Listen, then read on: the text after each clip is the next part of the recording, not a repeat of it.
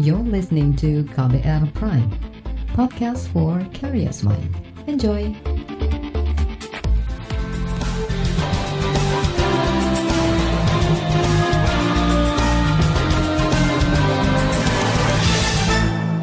Halo selamat sore saudara, senang sekali saya Reski Mesanto hadir kembali sore hari ini di KBR Sore 20 Mei 2021. Sore hari ini seperti biasa selama kurang lebih 30 menit ke depan saya akan menjadi teman Anda dan sore ini saya mau ajak Anda untuk membahas tentang meningkatnya kasus positif COVID-19 pasca arus mudik dan arus balik lebaran.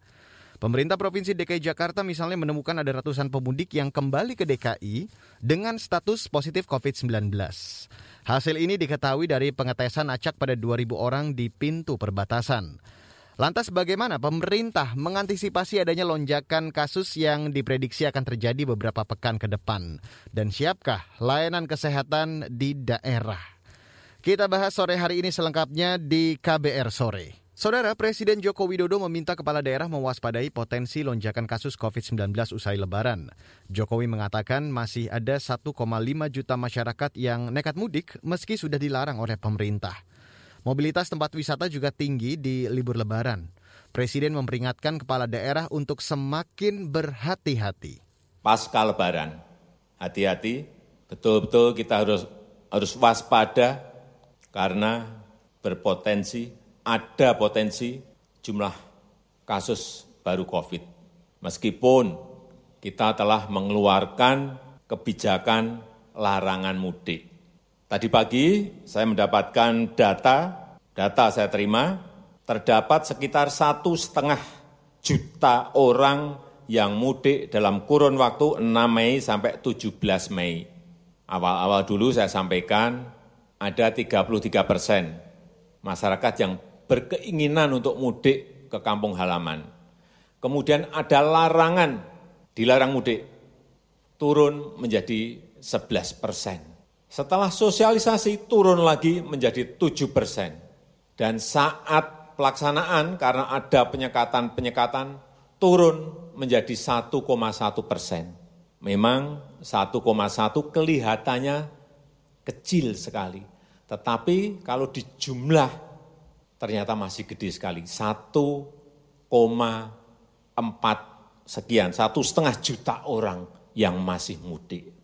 Oleh sebab itu, kita berharap, meskipun saya melihat kemarin di tempat wisata juga rame, mudik tadi saya sampaikan satu setengah juta, kita berharap kasus aktifnya kita tidak ingin sebesar pada tahun-tahun lalu. Jokowi juga menyinggung tingginya mobilitas masyarakat di tempat-tempat wisata saat libur lebaran. Dia meminta kepala daerah mengantisipasi potensi naiknya kasus utamanya dalam dua pekan ke depan. Saya melihat dari grafis dan kurva yang ada, mobilitas masyarakat di hari lebaran kemarin di tempat-tempat wisata ini naik tinggi sekali. 38 persen sampai 100,8 persen. Hati-hati, dua minggu ke depan ini semuanya harus hati-hati. Karena ada kenaikan, ini artinya mobilitas indeksnya naik 38 sampai 100,8 persen. Gubernur, Bupati, Wali Kota hati-hati yang zonanya masih merah, zonanya masih oranye, tempat wisata itu harus tutup dulu. Yang kuning dan hijau buka, tetapi sekali lagi petugas harus ada di sana, satgas harus ada di sana sehingga protokol kesehatan secara ketat tetap harus dilaksanakan. Tidak boleh lepas manajemen, lepas tata kelola kita. Jokowi secara khusus menyoroti dan memperingatkan kenaikan kasus di 15 provinsi. Dan kasus per provinsi, data-datanya sekarang kita komplit. Hati-hati provinsi yang ada di Sumatera.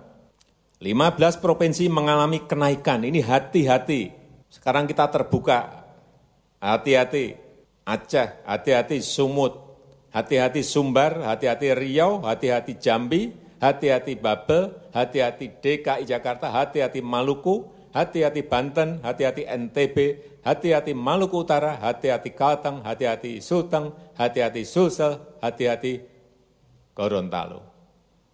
Kelihatan dalam grafisnya, kurvanya semuanya kelihatan. Sekarang kita tandai merah dan hijau. Sebagian ada di Sumatera, sebagian besar, dan ada di Jawa dan juga ada di Sulawesi dan Kalimantan. Itu tadi Presiden Joko Widodo saat memberi pengarahan kepada seluruh kepala daerah pada 17 Mei lalu. Sementara itu, saudara menindaklanjuti perintah Presiden, Gubernur DKI Jakarta Anies Baswedan langsung melakukan tes antigen ke pemudik di pintu-pintu masuk ibu kota. Pengetesan di pintu masuk Jakarta ini merupakan upaya pertama pemantauan atau screening. Screening kedua nantinya akan dilakukan di tingkat komunitas RT RW. Sejauh ini dari data yang ada sudah dilakukan pemeriksaan pemeriksaan terhadap 5.955 kendaraan, ada 22.910 pemudik dan warga yang dites. Dan dari angka 22.900 itu ditemukan 148 orang yang positif atau reaktif. Mereka dirujuk ke Wisma Atlet ada 57, 17 lainnya ke rumah sakit lain, dan ada 74 yang melakukan isolasi secara mandiri.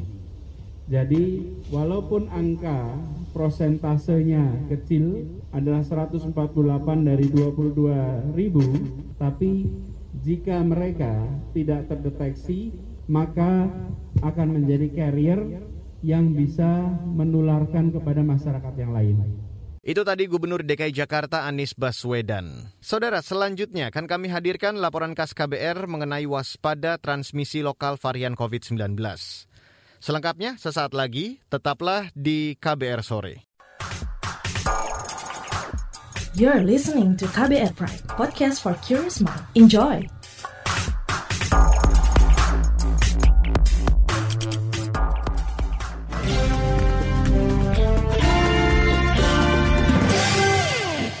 Saudara mutasi virus atau varian baru COVID-19 sudah masuk ke Indonesia, bahkan menyebabkan transmisi lokal.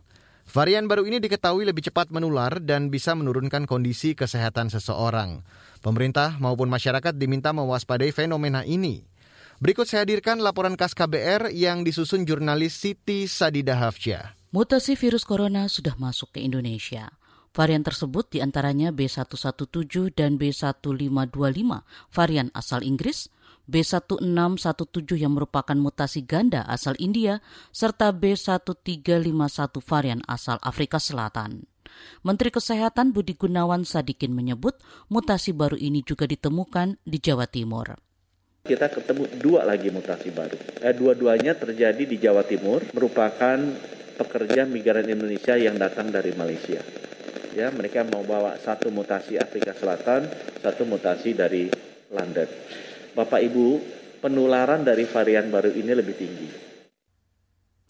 Sementara Direktur Pencegahan dan Pengendalian Penyakit Menular Kemenkes Siti Nadia Tarmizi mengungkapkan varian B1617 atau mutasi ganda asal India bahkan telah menular dalam transmisi lokal di Indonesia yang terjadi di ibu kota Jakarta.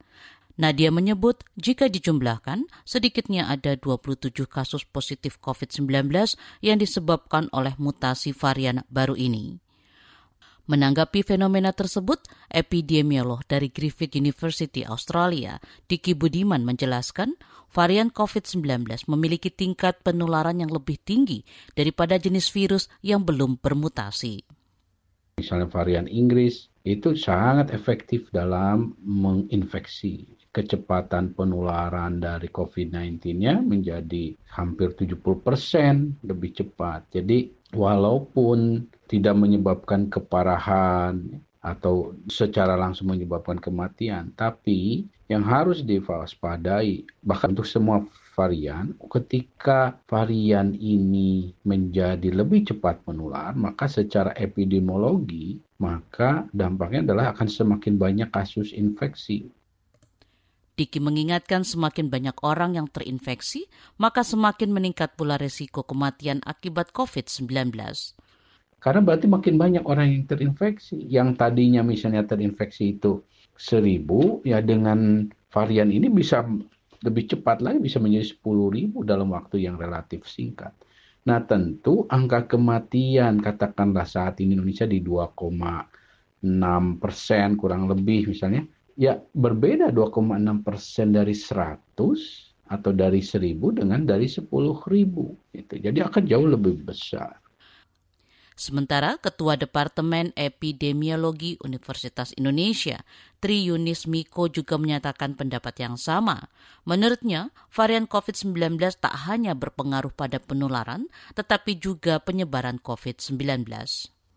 Kalau penyebarannya itu akibat orang bepergian, jadi dia menyebarkan ke mana-mana. Kalau penularan akibat orang berkerumun, jadi dia menularkan orang ke orang ke mana-mana. Jadi akan menyebabkan penyebaran dan penularan begitu. Jadi bisa dibayangkan kalau kemudian mutan itu semuanya mutasi atau varian baru, itu penularannya lebih cepat begitu. Itu yang semua mutan. Selain itu, mutasi COVID-19 asal India dapat berpengaruh pada kondisi kesehatan orang yang terinfeksi.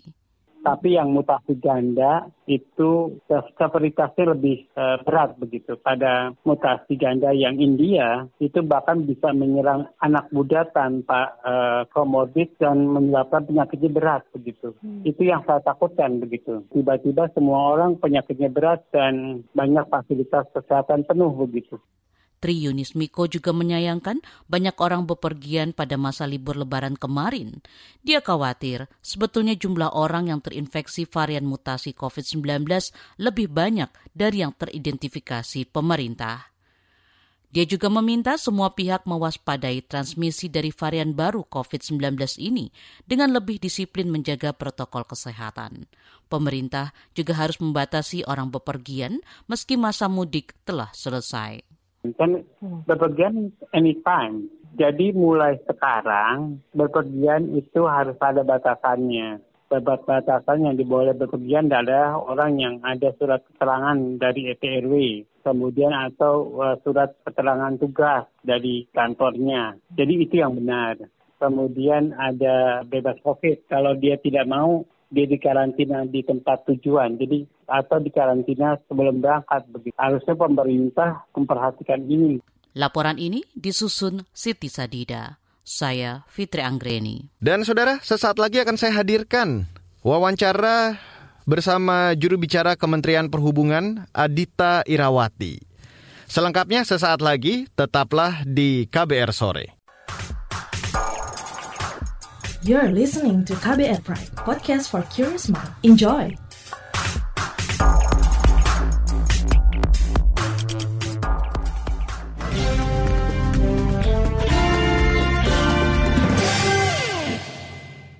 Terima kasih Anda masih bergabung di KBR Sore hari ini. Dan Saudara Kementerian Perhubungan memperkirakan sekitar 40 persen dari 2,5 jutaan warga yang mudik maupun melakukan perjalanan dinas belum kembali ke kota asal termasuk wilayah Jabodetabek. Puncak arus balik diperkirakan terjadi akhir pekan ini.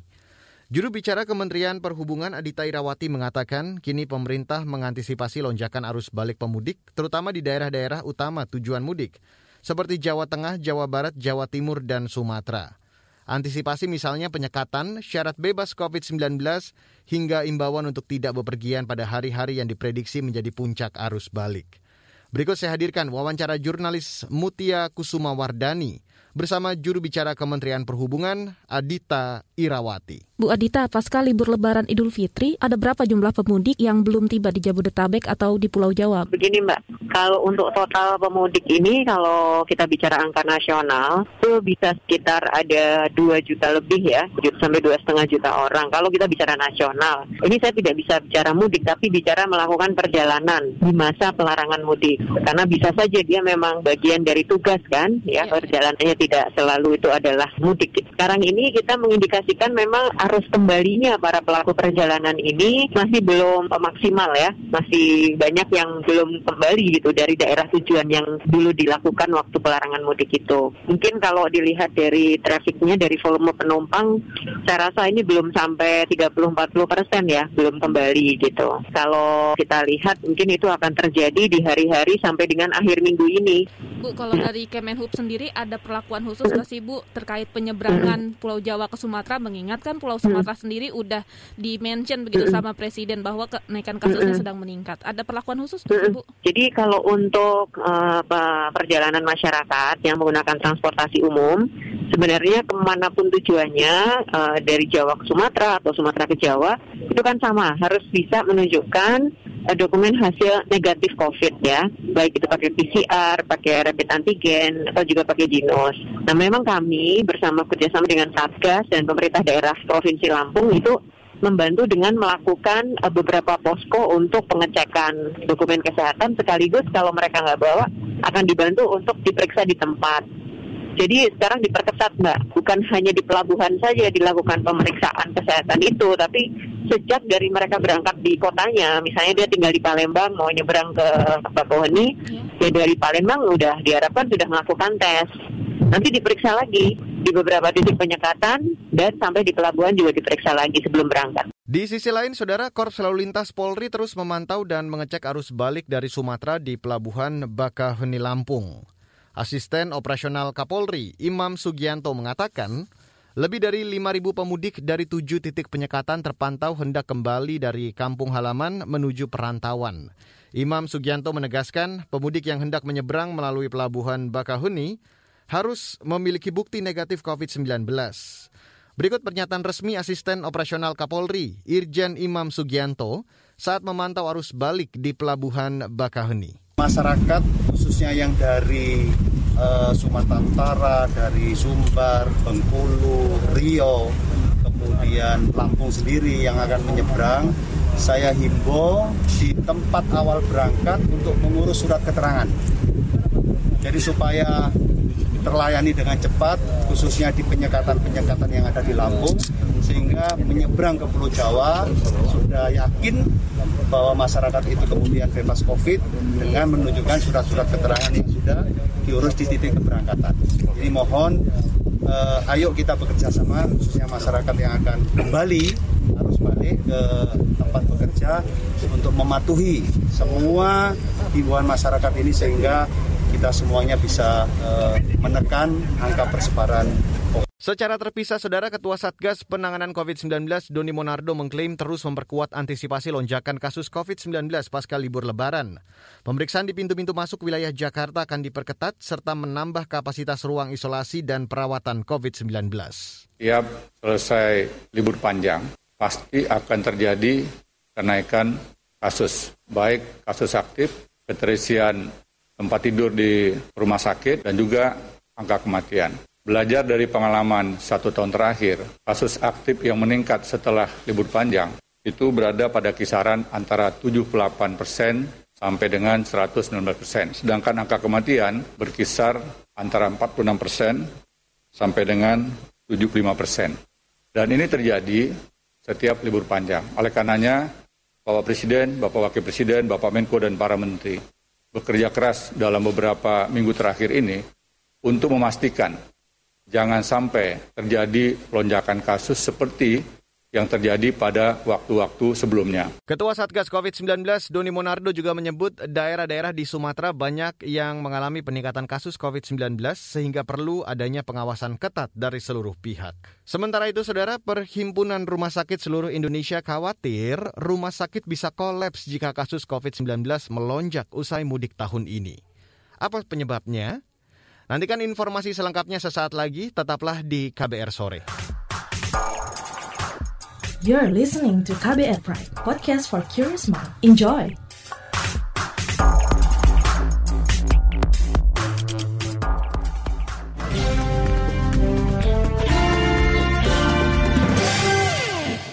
Saudara, inilah bagian akhir dari KBR Sore. Perhimpunan Rumah Sakit seluruh Indonesia khawatir rumah sakit bisa kolaps jika kasus COVID-19 melonjak usai mudik tahun ini. Sekjen Persi, Lia Partakusuma mengatakan, dalam kondisi tren kasus yang belum naik saja, tingkat keterisian rumah sakit untuk COVID-19 saat ini sudah mencapai rata-rata 30 persen. Bahkan di beberapa daerah di Sumatera, tingkat keterisian rumah sakit sudah melebihi 50 persen. Kondisi ini harus diwaspadai. Berikut pernyataan Sekretaris Jenderal Persi Lia Partakusuma dalam diskusi daring hari ini. Uh, jumlah rumah sakit di Indonesia itu ada sekitar 3.034 dan hampir 1.000 itu mempunyai SK ditunjuk sebagai rumah sakit COVID ya. di antara ini memang saat ini kalau dalam laporan seluruh rumah sakit tersebut, BOR yang ada itu kurang lebih uh, memang masih sekitar uh, 30% atau di bawah 30%. Nah, tetapi kalau kita lihat per provinsi itu sudah ada beberapa provinsi yang memang menunjukkan angka peningkatan yang cukup cukup apa signifikan gitu. Hmm. Ada beberapa provinsi yang naiknya tuh lebih dari 50% ya yaitu uh, provinsi Aceh dan Sulawesi Barat. Ini mereka bisa menaik bahkan Aceh itu bisa lebih dari 100% uh, kenaikan uh, pasien COVID-nya. Kemudian ada juga yang di bawah 25 sampai 50% itu Sumatera Utara, Kalimantan Barat dan Riau. Serta yang 10 sampai 24% Babel, Kepulauan Riau, Sumatera Barat, Jawa Tengah, Jambi. Yang lain itu masih ada peningkatan seperti Bengkulu, Sumsel dan Jogja, hmm. tapi masih di bawah 10%. Nah, artinya setiap jumlah kenaikan kita tahu bahwa dari 100% pasien COVID itu memang 80% rata-rata ya kalau dari data yang lalu 80% memang tanpa gejala, memang tidak membutuhkan perawatan, tetapi 20% itu pada umumnya ada gejala ringan, sedang maupun berat dan 5% di antara itu membutuhkan perawatan yang khusus. Hmm. Jadi artinya kalau makin banyak jumlah pasien yang positif COVID, bisa dipastikan jumlah orang yang harus dirawat semestinya juga naik. Jadi ini merupakan indikator Sekjen Persi Lia Partakusuma mengklaim seluruh rumah sakit sudah bersiap diri jika sewaktu-waktu terjadi lonjakan pasien COVID-19 yang dirawat. Upaya yang akan ditempuh jika terjadi lonjakan adalah dengan mengalih kefungsikan ruang rawat non-COVID-19. Nah, dan kasus per hari memang kan sekitar 4 ribuan ya sekarang ya. Tapi kalau naik terus, naik terus, nah kalau sampai misalnya sampai 7 ribu, 8 ribu pada waktu yang bersamaan, itu pasti rumah sakit itu kolaps dan tidak bisa membantu dengan maksimal. Nah, hmm. itu yang yang khawatirkan. Apalagi kalau dalam waktu bersamaan. Jadi kalau kita lihat yang kita khawatirkan adalah virus ini makin lama makin cepat menular dan makin menyebabkan kematian. Kalau kita lihat jumlah kasus memang sekarang ini datanya rendah. Tetapi kalau angka kematian, kita angka kematian kita 172 pasien per hari naik jadi 2,77 persen. Artinya apa? Kita khawatir banyak teman-teman yang mungkin bergejala tetapi tidak mau ke rumah sakit. Itu salah satu asumsi ya. Dan yang kedua, yang kita khawatir cepat sekali menimbulkan kematian. Dan yang tempat tidur ini kita kan bagi dua. Ada tempat tidur yang biasa, isolasi, ya tempat tidur rawat inap biasa, ada juga yang ICU.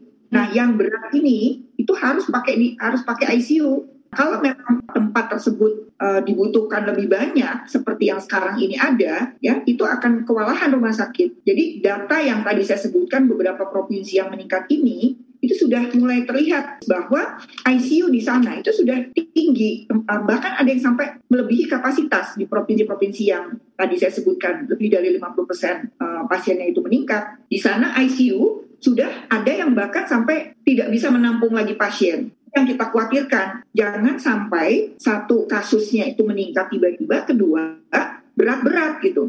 Yang 5% ini adalah asumsi yang lama nih, bahwa varian lokal yang lama ini kira-kira 5% yang harus dirawat. Nah, tapi kalau seperti di India, yang kita tahu bahwa dia punya angka virulensinya mungkin yang lebih ganas atau menyebabkan kematian lebih tinggi, menyebabkan kesakitan lebih berat, ini akan mengganggu juga. Dan kalau sudah seperti ini, rumah sakit akan sulit Saudara itu tadi Lia Partakusuma, Sekjen Persi, dan informasi tadi sekaligus menutup KBR sore untuk hari ini, Kamis 20 Mei 2021. Jangan lupa untuk Anda yang tertinggal siaran KBR sore untuk hari ini ataupun buletin pagi, Anda kembali bisa mendengarkannya melalui KBR Prime, Spotify, atau platform mendengarkan podcast lainnya. Tetap patuhi protokol kesehatan di mana pun Anda berada. Saya Reski Mesanto mewakili tim redaksi yang bertugas sore hari ini. Kami undur diri. Salam.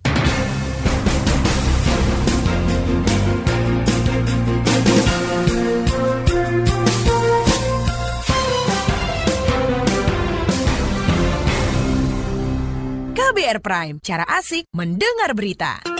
KBR Prime, podcast for curious mind.